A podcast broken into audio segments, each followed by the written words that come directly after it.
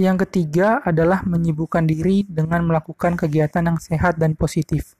Karena dengan kita melakukan hal-hal positif, kita akan terhindar dari pergaulan yang bisa merusak diri sendiri.